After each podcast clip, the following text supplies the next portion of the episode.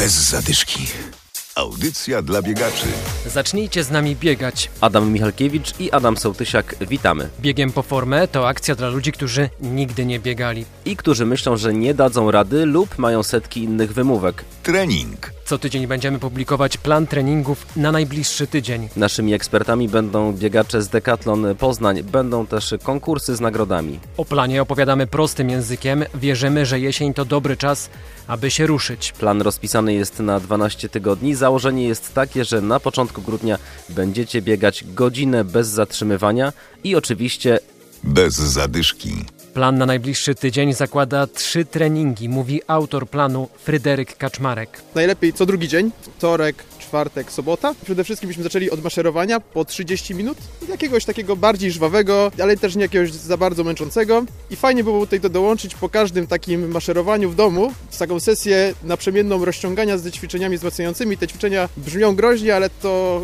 chodzi o, głównie o takie podstawowe, czyli brzuszki, pompki, deska, przysiady, coś takiego, grzbiety. czyli na początek marsz. Taki szybszy spacer. Spokojnie, ale żeby był żwawszy, żeby to nie było zwykłe chodzenie, tylko właśnie, żeby troszeczkę to krążenie pobudzić. Treningi są zaplanowane na co drugi dzień, trzymajcie się tego i nie róbcie treningu na przykład w poniedziałek, wtorek i środę, aby mieć to z głowy. Fajnie że jest właśnie to rozłożyć dlatego, żeby mieć dzień przerwy, a nie tak, że na przykład zrobimy poniedziałek, środa i właściwie ta regeneracja będzie bardzo krótka, a potem zrobimy organizmowi taką przerwę, w której on właściwie zapomni o całej adaptacji do tego treningu, bo gdzieś tam też z doświadczenia wiem, że dłuższa przerwa niż 48 godzin w treningu to już powoduje troszeczkę zapomnienia pewnych schematów u organizmu, więc lepiej, żeby on był co drugi dzień, przez to schemat na dalsze tygodnie będzie połączony w jedną całość. W pierwszym tygodniu mamy dla Was marsz, ale to naprawdę dużo daje. Nie patrzcie na wagę, bo to nie jest tak, że od razu kilogramy polecą w dół. Zmieniamy tak naprawdę tą tkankę tłuszczową, ten nadmiar tkanki tłuszczowej w tkankę mięśniową, także, także jeżeli nie, nawet nie, nie chudniemy, nie widać tego na wadze, to widać to przede wszystkim w tym, że, że po prostu wyglądamy lepiej.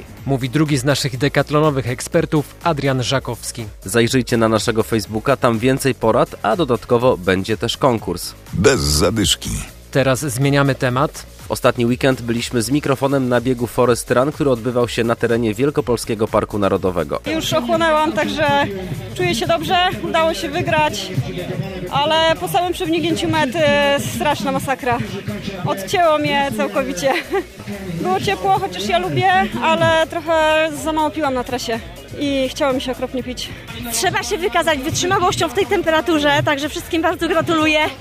E, No i bardzo przyjemnie Pawłowi dziękuję, bo mnie ciągnął bardzo długi czas. Bez niego nie udałoby się takiego czasu zrobić. Na trailach takie mm, wymuszone podczepianie się pod osobę jest częste, bo mamy często wąskie dróżki, więc y, biegniemy gęsiego, tak? Nie jest to bieg zimowy, ale też gęsiego, więc jakby super sprawa. super bieg, fajne widoki, fajnie by było wskoczyć jeszcze po drodze do tego jeziorka, ale wtedy nie byłoby godziny 50. Uczestnikom gratulujemy. Do pokonania było 12, 22 lub 36 km.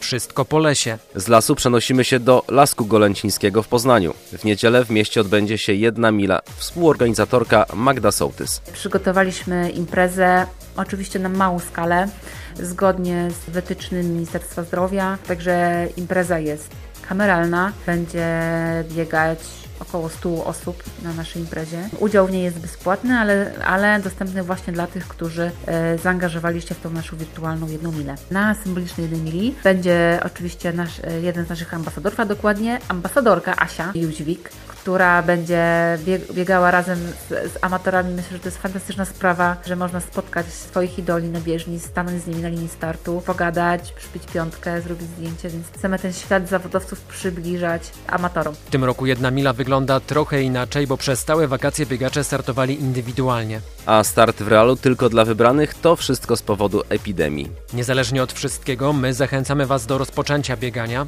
W przyszłym tygodniu wyjdźcie trzy razy. Za każdym razem zróbcie 30-minutowy żwawy marsz. Powodzenia!